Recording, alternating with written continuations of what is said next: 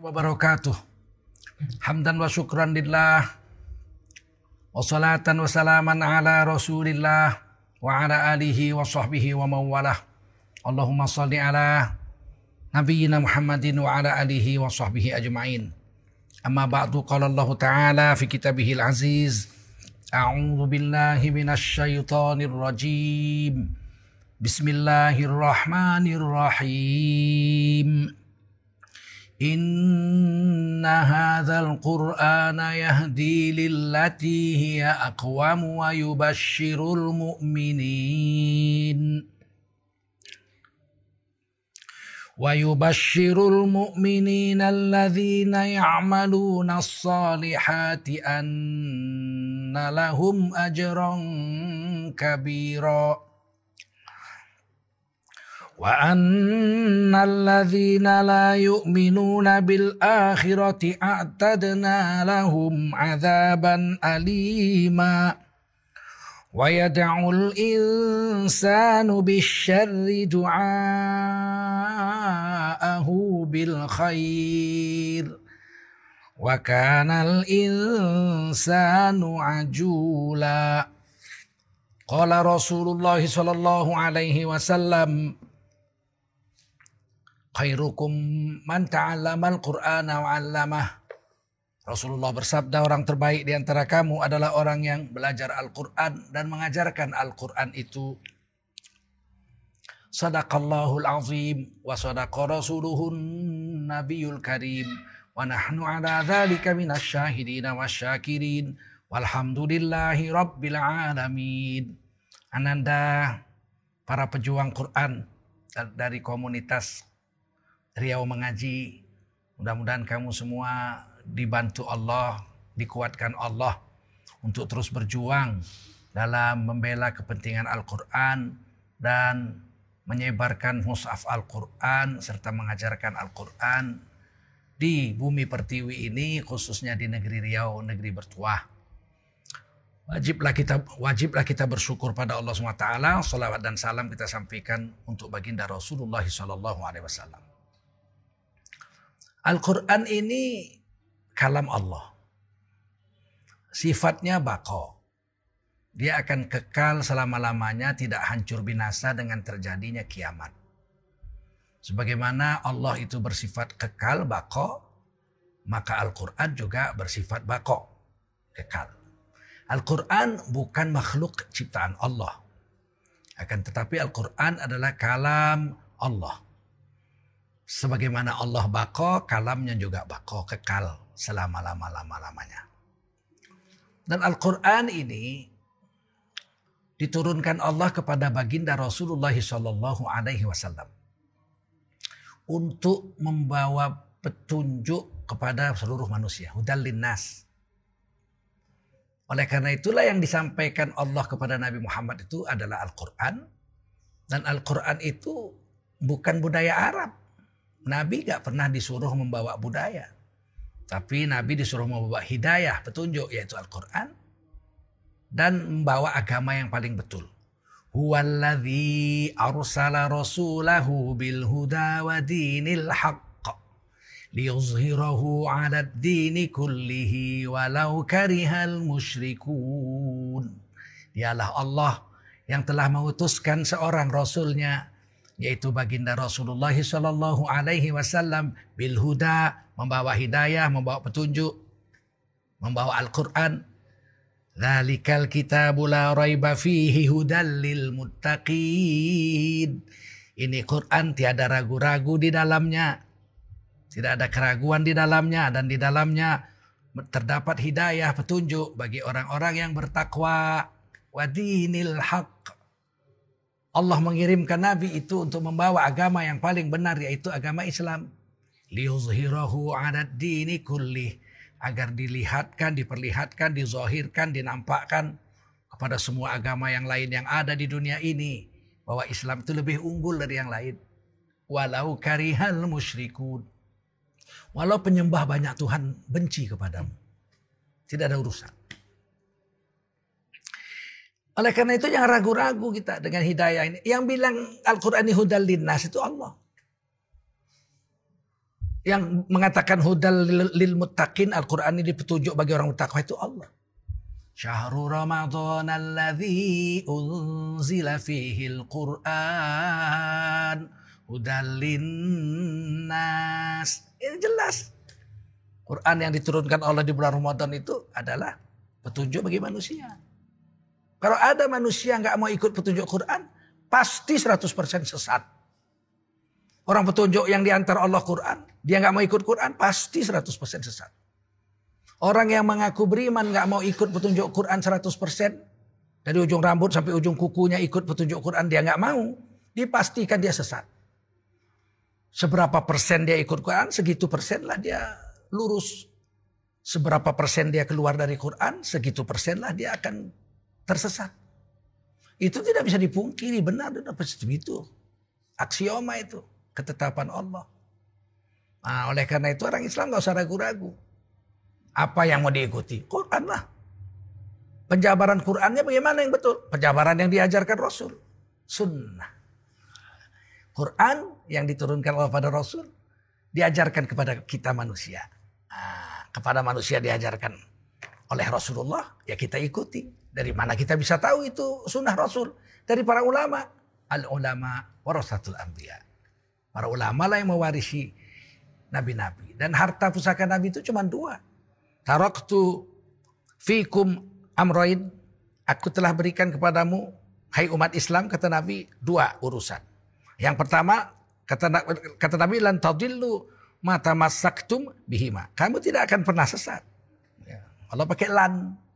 Lan itu dari kemarin sampai hari ini, sampai besok, sampai kiamat, tidak akan pernah sesat. Selama kamu berpegang bihima kepada kedua pusaka Nabi itu. Harta warisan Nabi itu. Apa itu? Kitab Allah. Pertama kitab Allah Quran wa sunnata Rasulillah. Dan kedua adalah sunnah Rasul. Pasti nggak sesat. Sayangnya, nah itu sayangnya. Ahli waris Nabi itu bukan kita. Kita memang katanya tarok tarok tufikum amroin. Aku kata Nabi telah meninggalkan kepadamu dua urusan sebagai warisan Nabi. Tapi sayangnya yang menjadi ahli warisnya itu bukan kita. Ahli warisnya itu para ulama. Nah karena para ulama yang berhak menggali harta warisan Nabi Quran dan hadis itu para ulama bukan kita. Kita ngikuti ulama aja. Ittabi'u, nah, ikuti kamulah atau fas'alu ahla dzikri in kuntum la ta'lamun. Nah, kamu ikuti ahli ilmu kalau kamu nggak tahu. Jangan sok-sok menggali sendiri. Saya ini kalau mati Harta pusaka saya itu yang berhak mengambil adalah ahli waris saya. Istri dan anak-anak saya. Tiba-tiba saya mati, tetangga-tetangga saya datang ngambilin harta saya. Mereka bukan ahli waris. Maka mereka disebut maling, pencuri. Orang yang menjadi ahli waris Nabi itu para ulama. Kalau ada bukan ulama ngambil-ngambil ijtihad dari Quran, gali-gali sendiri. Maka dia pasti kata Nabi pencuri, maling itu. Man fasarul Qur'ana bi ra'yihi falyatabawa maka adahu minan nar. Siapa yang mengambil penafsiran Quran dengan akalnya sendiri, ambil tempat duduknya dari neraka. Ambil tempat duduknya dari neraka. Udah pasti sesat 100%. Karena bukan ahli warisnya, maling itu pencuri. Oleh karena itulah kita mesti mengaji.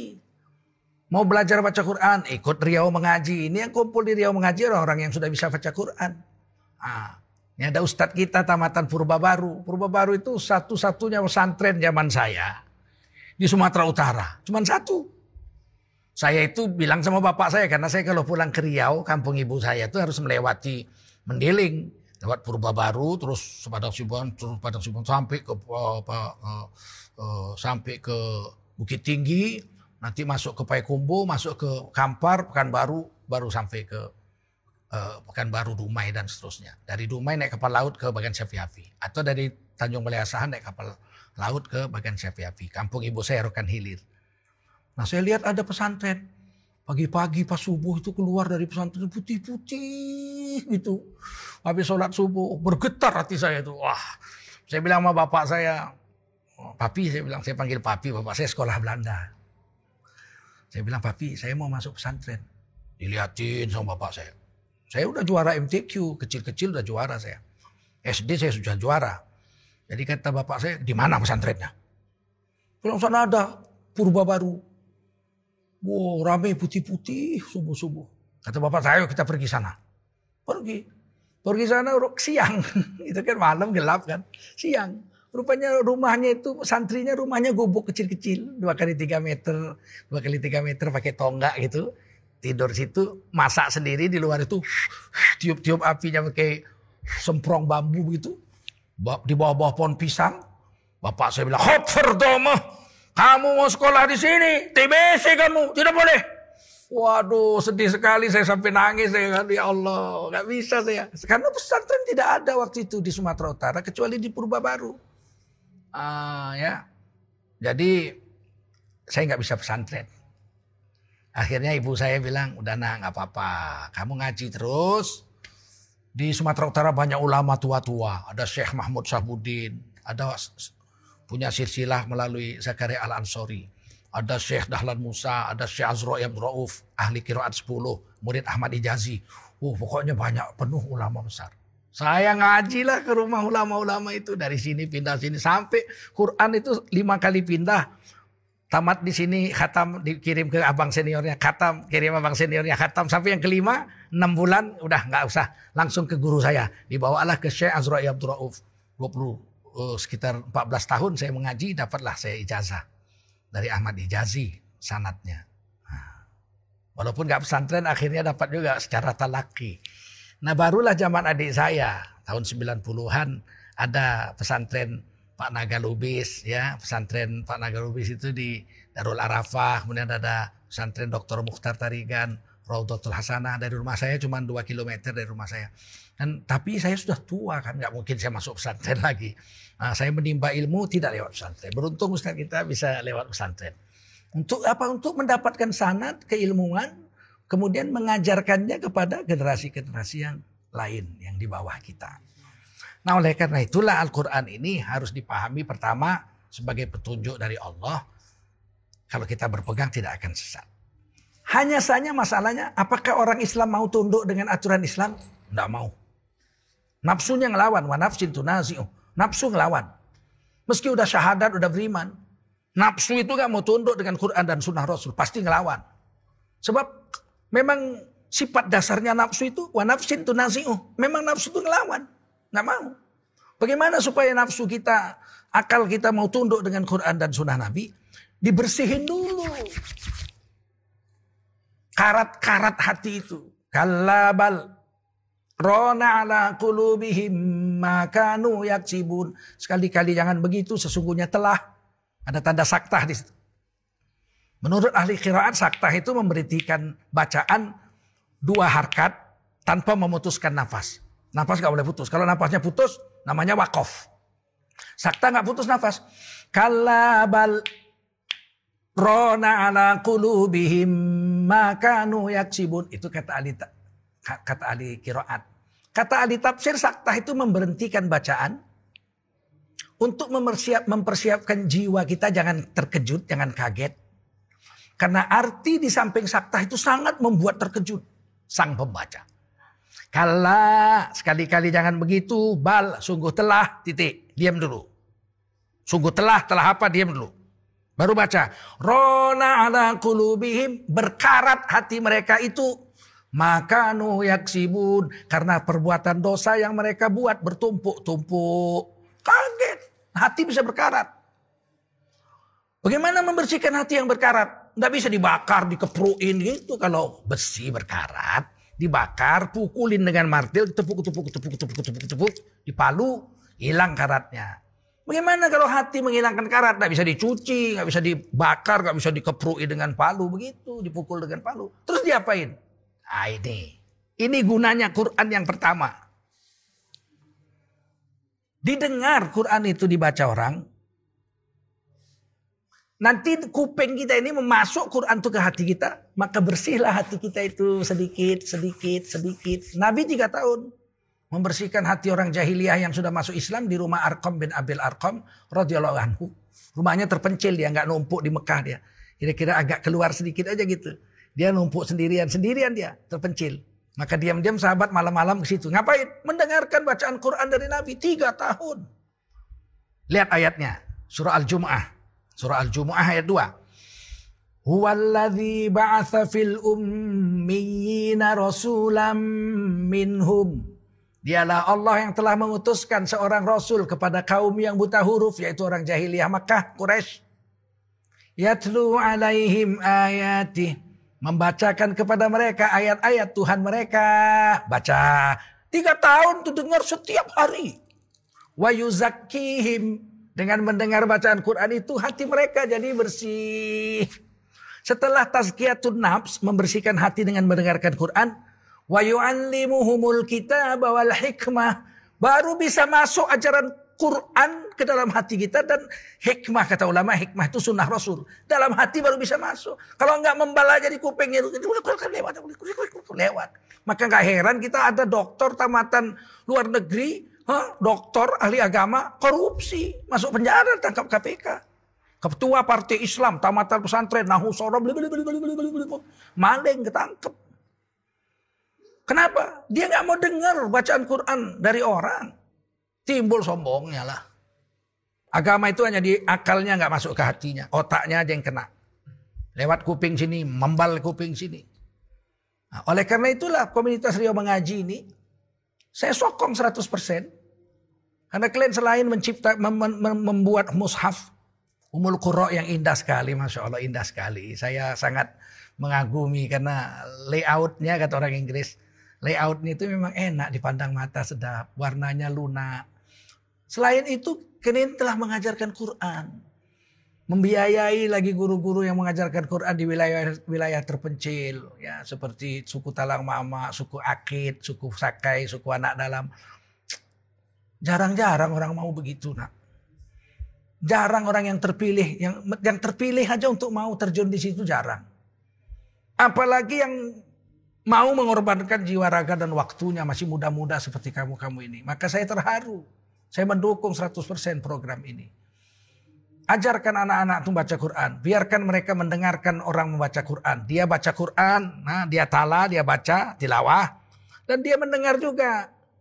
Nah, tadarus dia, dia dengar, dia baca, dia dengar, dia baca. Karena mendengarkan bacaan Quran itu, wayuzakihi, membersihkan hati mereka. Setelah hati bersih baru mereka mau taat, mau tunduk patuh dengan Al-Quran. Jangan harap membentuk jiwa manusia untuk menjadi manusia Quran yang taat sama Quran dan Sunnah. Kalau hatinya kotor, penuh dengan kemaksiatan berkarat. Satu-satunya cara yang paling efektif menurut Quran. Surah Al-Jumu'ah ayat 2. Perdengarkan kepada mereka Al-Quran. Terus dan terus, terus dan terus. Saya sendiri sudah setua ini. Kalau di mobil tuh saya masih hidupkan CD. Apakah bacaan Quran saya sendiri, apakah bacaan Quran Khalil Khusori. Sebab guru saya berpesan Khalil Khusori ini standar. Waktu beliau men men merekam 30 juz itu beliau tanpa Al-Quran. Tapi di kakinya duduk di bawah kakinya itu, dia, dia beliau di atas kursi. Di bawah kakinya itu ada berapa banyak hafiz Quran yang punya sanat yang memegang kakinya kalau dia salah baca. Sehingga bacaannya bersih nggak ada salah. Itu dengar, dengar dan dengar. Ah, kemudian setelah kita mendengar itu ya kita baca pula. Kita baca pula lah hafalan-hafalan kita. Katanya innalladzi laisa fi jawfihi syai'un minal Qur'an kal baitil kharib. Orang yang hatinya kosong melompong, nggak ada hafalan Qur'annya, itu seperti rumah bobrok. Rumah bobrok tuh yang banyak di situ setan dan jin. Siapa mau tinggal di rumah bobrok? Hujan bocor, nah, ada semut, ada kala jengking di situ rumah. Namanya rumah bobrok, rumah yang sudah hampir hancur. Hati manusia yang tidak ada Quran di dalamnya itu rumah hancur bobrok tinggal nunggu ambruknya aja. Oleh karena itu saya sekali lagi memberikan penghargaan setinggi-tingginya kepada komunitas dia mengaji. Sebab bangsa Indonesia ini yang Islam itu 230 juta. Yang bisa baca Quran paling 50 juta. Paling. Sisanya itu 180 juta, 170 juta lagi. Tidak bisa mereka baca Quran. Tak usahkan baca Quran. Punya mushaf Al-Quran aja mereka enggak. Dalam data Kementerian Agama yang saya tahu. Sejak zaman Belanda sampai sekarang. Mushaf Al-Quran yang dicetak di Indonesia itu hanya 52 juta eksemplar. Itu belum termasuk yang udah rusak-rusak kan. Dari zaman Belanda sampai sekarang 52 juta eksemplar. Berapa banyak yang udah rusak-rusak? Seandainya nggak ada yang rusak lah 50 juta semua. 52 juta itu bagus semua lah. Sedangkan penduduk Indonesia itu kan 230 juta. Nah, masih ada 170 juta orang yang nggak punya Quran. Itu kalau satu-satu.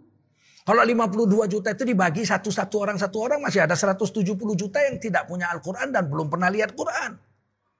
Sedangkan saya sendiri Quran di rumah saya mungkin ada 100 ada.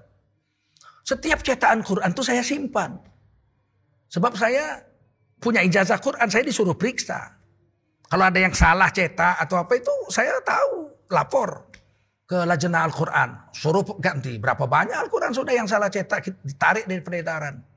Itu kita yang jaga. Majelis Ulama Indonesia, para hufaz yang penghafal-penghafal Quran, guru-guru Quran itu. Sehingga setiap cetakan itu saya ada. Cetakan Pak Harto aja yang musab Pak Harto yang sebegini tebal dari kulit itu. Sampulnya kulit, kotaknya kulit. Ditulis oleh juara kaligrafi tingkat Indonesia, tingkat dunia, juara 1, 2, 3. Itu yang menuliskan Musab Al-Quran, Musab Pak Harto dan Musab Ibu Tin. Itu saya punya dua-duanya. Untuk apa? Untuk saya periksa. Nah, kalau kita mau jujur, kalau 50 juta, 52 juta eksemplar yang pernah dicetak selama Indonesia merdeka sejak zaman Belanda itu, dibagi satu orang satu, masih ada 170 juta orang yang nggak punya. Kalau satu orang ada yang punya tiga, ada yang punya lima. Berapa juta orang Indonesia yang tidak pernah punya mushaf Al-Quran. Kalau punya aja enggak bagaimana mau membacanya. Saya waktu kecil Quran cuma satu di rumah saya. Ibu saya yang bawa. Bapak saya sekolah di Belanda mana ada. Dia aja belajar baca Quran dari saya, bapak saya. Kalau bahasa Belanda, bahasa Inggris, bahasa Prancis, bahasa Jerman, bahasa Jepang, waduh lima bahasa bapak saya luar biasa. Bahasa Cina satu lagi. Bapak saya bilang, wah. tapi begini baca Quran nggak bisa. Dari kecil sekolahin Belanda. Belajar baca Quran saya. Quran yang ada di rumah kami, delapan orang kami waktu itu. Ibu saya punya, dibawa. Padahal ibu saya anak keturunan Cina. Dibawa dari bagian CPAP Bapak Rotong Ah yang menyusukan ibu saya Umar Sukri itu dia kasih dia Quran warna hijau. Barulah saya punya Quran lagi setelah saya juara MTQ. Diberi oleh pemerintah cetakan Jepang. Ternyata beberapa bulan kemudian ditarik dari peredaran. Karena ada kesalahan cetak pada Quran. Mushaf hadiah daripada Jepang. Satu kapal banyaknya. Dimusnahkan semua. Nah sekarang ini kita mau berkembang. Bersihkan hati dengan mendengar Quran, baca Al-Quran supaya hati kita dan jiwa kita lunak. Kemudian kita pelajari isinya dari ulama-ulama yang punya sanat, yang belajar di pesantren dan seterusnya. Kemudian kita amalkan Quran dan kita ajarkan kepada orang lain. Dan yang paling penting melalui kesempatan ini saya mau mentaskil kita semua. Mengajak kita semua. Untuk menyumbangkan hartanya bagi pencetakan Musa Al-Quran. Saya merekomendasikan Quran dari komunitas Riau Mengaji ini. Sudah ada tanda tangan Ketua Majelis Ulama Indonesia Kota Pekanbaru. Dan jangan lupa minimal satu. Yang mendengar acara ini minimal satu. Seratus ribu rupiah. Masih tetap ya. Anak-anakku ya. Seratus ribu itu kita sudah memberikan sebagian untuk gaji atau honor guru-guru yang mengajar di wilayah-wilayah terpencil. Syukur-syukur dari pendengar ini ada yang bisa menyumbang uh, banyak, 100. 100 mushaf berarti 10 juta. 50 mushaf Quran berarti 50 juta. Oh, saya nggak punya, saya punya cuma 10 saja, ya 10 berarti 1 juta rupiah. Oh saya cuma bisa 5, ya 5 berarti 500 ribu. Wah, saya ini lagi COVID-19, virus Cina. Cuman bisa satu, satu, tidak apa. Tapi jangan sampai nggak menyumbang dalam acara pengajian kita ini terutama untuk mencetak mushaf Al-Qur'an untuk dibagikan kepada orang-orang yang telah bisa membaca Quran karena program anak-anak muda kita ini pemirsa sekalian memberikan Quran ini memberikan mushaf Al-Qur'an ini adalah kepada orang yang sudah bisa membaca Quran sehingga tidak sia-sia. Bagaimana supaya bisa? Tentu diajar. Ada gurunya dan gurunya inilah kita beri honor. Sebagian dari 100 ribu yang kita sumbangkan untuk satu mushaf Al-Quran. Saya pikir sampai di sini saja dulu. Saya kembalikan kepada anak-anak kita dari komunitas Rio Mengaji pada Ustadz untuk uh, memandu acara ini mungkin ada tanya jawab atau ada diskusi yang akan kita uh, kerjakan. Fadol silakan.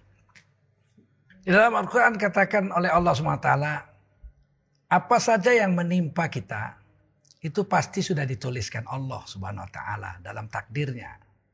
Jadi kalau memang ditakdirkan kena, sembunyi pun dalam lubang semut kena. Kalau ditakdirkan Allah tidak kena, meskipun dalam keramaian tidak kena. Hanya saja karena kita ini akidah kita, akidah ahlus sunnah wal jamaah, kita itu tidak boleh pasrah saja, tidak boleh pula ngelawan saja begitu. Jadi kita ini tahu bahwasanya musabab itu Allah. Yang menjadi pengatur alam semesta ini Allah. Sedangkan kita disuruh memilih sebab. Jadi eh, supaya sehat tutup mulut. Oh iya pakai masker. Supaya jangan kena kita pakai masker, kita cuci tangan. Oh iya berwudu. Berwudu itu tujuh kali Subuh, duha, zuhur, asar, maghrib, isya, tahajud. Tujuh kali itu berarti tujuh kali istinsak, masukkan air ke hidung. Tujuh kali kumur-kumur, tujuh kali, dua puluh satu kali. Dua puluh satu kali cuci muka, mata, hidung, tangan, sapu kepala, mencuci ini kuping dan mencuci kaki. dua puluh satu kali. Kalau kita sholatnya tujuh kali, ditambah duha dengan tahajud. Itu ikhtiar. Anazafatu minal iman. Kata Nabi itu bersih itu sebagian daripada iman. Dan bersih itu sehat. Udah pasti. Jadi usaha itu ikhtiar. Sebabnya ya itulah kita membersihkan diri dengan wudhu, dengan mandi, kemudian dengan cuci tangan sebelum makan, setelah makan itu semua diajarkan dalam Quran dan hadis. Kemudian tidak berjabatan tangan dengan sembarangan orang. Kalau orang perempuan jangan. Laki-laki kalau dia sakit kulit, Nabi menghindar diri dari orang-orang yang berpenyakit sopak bukan menghina tapi memang menghindar. Kalau Nabi menghindar supaya jangan ketularan, kita juga menghindar. Nabi aja menghindar. Uh, ada sakit sopan, Nabi menghindar.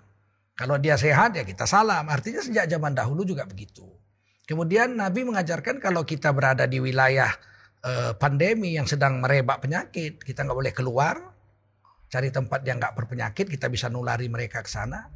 Dan kita pun tidak boleh dari tempat yang bersih datang ke tempat yang sedang pandemi. Jadi lockdown namanya. Sejak zaman dulu sudah ada sistem lockdown yang dibuat Rasulullah SAW. Itu hadis Bukhari.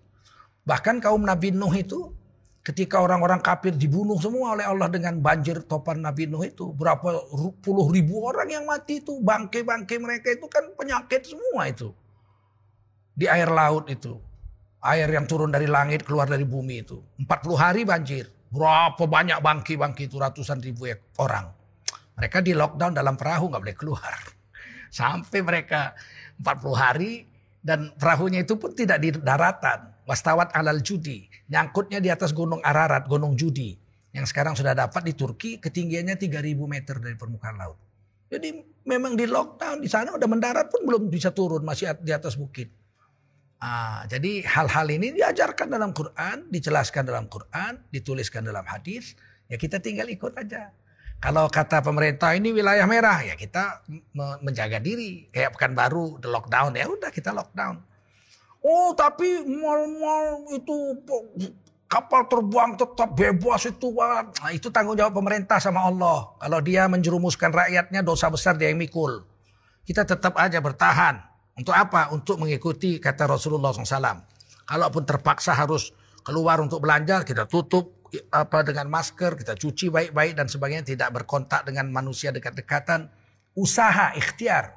Kalau itu kena juga ya udah, pasrah. Kita serahkan kepada Allah, kita bersabar. Kalau selamat, kita bersyukur. Ini yang diajarkan oleh Allah SWT dan Rasulullah SAW tentang pandemi ini. Tidak usah takut. Banyak orang-orang. Sayyidina Muaz bin Jabal radhiyallahu anhu itu wafatnya kena penyakit kolera. Anak munmen kalau sekarang kena penyakit kolera, sakit perut. Ya, biasa, nggak ada masalah seperti itu.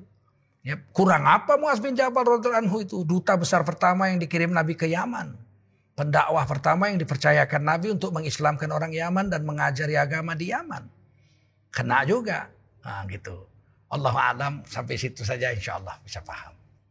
Ya selama kita beribadah di malam-malam uh, 10 terakhir, Kata Nabi, intip kamulah malam qadar itu pada 10 hari terakhir terutama Ini malam-malam ganjil. Jadi tidak mesti malam ganjil, tapi terutama. Di malam ganjil itu misalnya eh, 10 hari itu kita nggak tidur, udah jelas. Nah, terus nambahnya nambah amalnya, bukan nambah nggak tidurnya, tetap aja malam ganjil, malam genap kita tidak tidur. Amalnya yang ditambah. Kalau malam genap kita misalnya baca Quran 3 juz, ya kalau malam ganjil kita baca 5 juz. Misalnya begitu, tambahan untuk mendapatkan Lailatul Qadar itu. Uh, tidak mesti juga malam ganjil. Ada beberapa kali menurut orang-orang soleh malam qadar itu turunnya di malam yang genap. Ada. Tapi memang sebagian besar Lailatul Qadar itu turunnya di malam-malam yang ganjil. Kalau kita memang betul malam itu beribadah, ya kita dapat. Bahkan orang yang beribadah kemudian tertidur, pas dia tertidur Lailatul Qadar datang, dia tetap dihitung dapat. Karena dia memang berniat dan berusaha untuk mendapatkannya. Bahkan kadang-kadang kan niatul abdi khairun min amalih. Kadang-kadang niat seseorang tuh bahkan lebih baik dari amalnya gitu. Nah itu kita buatlah, maka kita usahakanlah. Uh, kata Allah juga dalam hadis qudsi, aku seperti yang disangkakan hambaku. Ana indah ya abdi. Kalau kita zon sangka baik sama Allah dapat Lailatul Qadar, kita berusaha tidak tidur di 10 hari terakhir, insya Allah kita akan mendapatkan malam Qadar itu. Ada yang tahu dia dapat. Ada yang tidak tahu dia dapat. Tapi umumnya orang yang dapat malam qadar itu dia tahu. Dia terasa. Bab Siti Aisyah juga bertanya, ya Rasul kalau datang malam qadar itu kepadaku, apa yang akan kubaca dalam uh, saat aku menerima malam qadar? Itu berarti memang terasa orang yang dapat malam qadar. Diajari sama Nabi. Asyhadu an la ilaha illallah astagfirullah As'aluka ridho kawal jannah wa a'udzubika min sakhatika wan nar. Allahumma innaka afuwun karim tuhibbul afwa fa'fu anna ya karim. Kalau datang malam qadar, apa yang saya baca ya Rasul? Itu baca. Berarti orang yang dapat tuh terasa. Siti Aisyah tuh tahu. Maka orang-orang yang setiap tahun dapat, itu dibanguni kalau dia tertidur. Masya Allah. Luar biasa Allah maha baik. Wa kana bil mu'minina. Wa kana bil mu'minina. Rahimah adalah Allah sangat sayang pada orang beriman. Kalau udah kena sekali dapat sekali. Biasanya walaupun dia udah berusaha tiba-tiba dia tertidur, datang yang ada yang membangunkan itu. Ah, bangun. Uh, oh bangun dia. Begitu sebagaimana Sayyidina Abu Bakar As-Siddiq anhu sedang beramal di malam qadar, diketuk pintunya. Diketuk pintunya malaikat dibangunin padahal beliau gak tidur tok tok tok dia buka nggak ada orang tutup lagi Wah beramal lagi tok tok tok digetur itu pintunya. Besok pagi dia bilang sama Nabi, beliau katakan malam tadi digedur-gedur Iya malaikat memberitahumu malam tadi malam qadar, malam Lailatul Qadar itu. Jadi tingkatan manusia itu tidak sama satu dengan lain tapi kita sangka baik sama Allah. Saya sudah berusaha nggak tidur 10 hari, mudah-mudahan Allah beri uh, anugerah mendapatkan malam Lailatul Qadar kepada saya. Wallahu a'lam bishawab.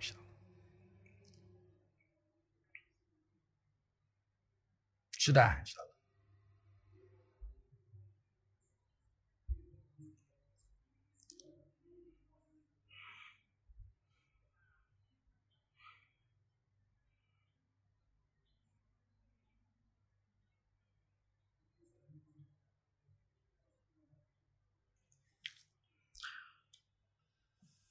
Mencintai Al-Quran ini pertama dipaksa.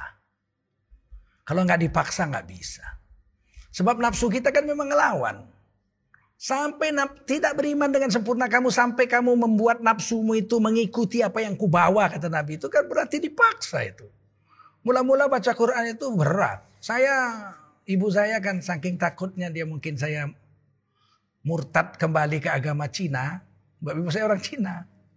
Dia bilang sama saya nak ngaji lah nak. Saya ngaji sudah bagus saya sudah juara MTQ. Tapi kan ngajinya mujawab pakai lagu, pakai lagu. Kata ibu saya, saya titip nak kamu baca Quran satu hari satu juz. Ya Allah, namatkan satu juz itu saya 90 menit. Bapak saya memerintahkan saya main musik satu hari itu 3 sampai 4 jam. Dikontrol setiap hari. Malam diperiksa sampai ke mana kemajuan saya main musik, main gitar. Ah, saya main organ. Saya dulu diajar main saxophone lagi. Pokoknya dikontrol sama bapak saya. Ibu saya titip satu juz. Jangan lawan bapak. Biarkan aja. Main musik, main musik 4 jam sehari. Tapi baca Quran satu juz sehari. Mula-mula ya berat, sampai berkeringat-keringat. 90 menit. Kata ibu saya dibagi lima. Habis subuh, habis zuhur, habis asar, habis maghrib, dibagilah lima. Alhamdulillah demi hari demi hari. Semakin cepat, 60 menit satu juz, 45 menit satu juz, itu sudah tajwid, sudah bagus. Tidak lagi mujawad. Lama-lama saya sudah bisa baca murotal, 35 menit satu juz, 30 menit satu juz. Sekarang saya 18 menit, 20 menit satu juz. Saya selesai. Saya di Padang Arafah setiap haji, saya bisa khatamkan Quran di Padang Arafah 30 juz. Setiap di Padang Arafah. Setiap saya haji 10 kali saya naik haji. Kenapa begitu mudah? Karena dipaksa oleh ibu saya. Awal-awalnya ya beratnya setengah mati. Nah ketika dipaksa kemudian jadi hobi. Setelah jadi hobi terasa ringan. Nah begitu sama dengan sholat. Sholat itu dipaksa. Wasta'inu bisobri wassalah. Wa innaha lakabiratun illa alal khasyi'in. Minta tolong dengan sabar dan yaitu puasa dan sholat. Sesungguhnya sholat itu berat. Kecuali bagi orang yang khusyuk. Berat. Bagaimana supaya khusyuk? Tidak terasa berat. Tahajud 20 rakaat. Tiap malam. Sholat subuh 2 rakaat enteng. Kalau ketika terasa enteng, tidak terasa berat, datanglah khusyuk. Sama dengan Quran juga. Ketika membacanya aja masih berat, bagaimana mau mengamalkannya? Membacanya aja yang gratis, berat. Oleh karena itu paksakan diri kita membaca sampai menjadi hobi. Itu kalau udah baca Quran itu kalau sudah jadi hobi. Itu nggak ngantuk-ngantuk. Seperti ada batang es yang diletakkan di bawah matanya itu. Ada batangan es sejuk, sejuk aja. Sepuluh jus duduk nggak ngantuk-ngantuk. Karena sudah jadi sudah jadi hobinya, sudah menjadi eh, apa namanya eh, kelezatan bagi dia. Ada rasa zauk dalam hatinya ketika baca Quran itu. Sama dengan orang zikir. Satu hari seribu kali, satu hari seribu kali. Setelah sepuluh tahun, lihat dia zikir aja kita Lihat dia zikir aja, kita merasa lezat. Saya pernah lihat ahli zikir, orangnya hitam, orang Tamil, orang Keling, ha, dari India Selatan, namanya Syekh Ahmad Lat. Dia duduk di sebelah saya, saya sedang zikir. Dia duduk sebelah saya, dia zikir. Dia zikir itu perhatikan dia zikir. Saya lihat dia zikir itu lezat. Melihat dia zikir saja saya merasa lezat. Masya Allah ini orang zikir. Nikmatnya bukan main, berjam-jam. Pasti dulu dipaksa. Awal-awalnya dipaksa. Nah setelah merasakan lezat membacanya, udah tergantung, nggak bisa lagi dia hidup tanpa Quran. Ketika Quran menjadi korin, nah, Allah al Quran lana fit dunya korina. Ini doa, ya Allah jadikan Quran itu menjadi korin kami bagi sahabat lengket yang nggak pernah berpisah. Korin itu kroni, kroni-kroninya kata Mirais dulu waktu reformasi. Kalau Quran itu jadi kroni kita, jadi korin kita. Nggak pernah berpisah dengan kita tuh Quran. Siang dan malam nggak bisa tidur tanpa Quran. Baru nanti kita merasakan lezatnya dan kita akan merasakan nikmatnya dan kita akan tergerak untuk mengamalkannya. Bagaimana mau makan durian kalau nggak dikupas kulitnya? Membacanya itu kupas kulit. Baru bisa dinikmati isinya. Kalau Quran itu langsung dimakan isinya, nggak dibuka kulitnya, kayak makan durian nggak dibuka kulitnya, hancur di mulut. Tidak akan terasa kelezatan sama sekali. Ini yang bisa saya sampaikan lah pengalaman dan pelajaran yang saya ambil daripada guru-guru. Jangan bermimpi menjadi orang soleh kalau tidak memaksa diri terlebih dahulu. Mula-mula ya terpaksa. Takut neraka. Fattakun narallati wa kuduhan nasu wal hijarah. kafirin. Baru mengharapkan surga. Hal adullukum ala tijarah. Maukah kutunjukkan kepadamu perniagaan denganku kata Allah. Yang menyelamatkan kamu dari neraka azab yang pedih. Baru yang ketiga ridho. Ya Tuhan nafsul mutmainnah irji'i ila rabbiki radiyatan mardiyah. Ini tingkatan-tingkatannya. Pertama kita paksa, takut neraka, mulai merasa hobi, mengharapkan pahala, dan terakhir ridho Allah. Sudah jadilah kalau kita sudah nafsu mutmainnah. Sudah terpaksa nafsu itu menjadi berubah menjadi mutmainnah. Nafsu mutmainnah. Kita akan merasakan agama menjadi satu kelezatan. Seperti ikan yang diletakkan di air. nggak mau keluar. Di danau. Terus saja. Tapi kalau kita keluar dari Quran, keluar dari hukum Allah. Seperti ikan yang dilemparkan ke padang pasir. Mengelupur-ngelupur. Tapi sebaliknya orang durhaka. Dia diletakkan di dalam agama, ikut Quran hadis, dia menggelupur-gelupur kayak ikan di di padang pasir. Sebaliknya ketika orang-orang fasik durhaka itu diletakkan di tempat-tempat maksiat, joget, eh, main judi, mabuk. Dia seperti ikan yang diletakkan di dalam air danau. Kita nggak mau seperti itu. Kita jadikan Quran ini sakinah, ketentraman jiwa kita. Seperti kita dengan Quran itu seperti air dengan ikan. Sehingga kita saling tergantung dan kita merasakan nyaman kehidupan kita dalam Al-Quran. Semoga ini yang kiranya bisa terkabul. Wallahu a'lam bisawab.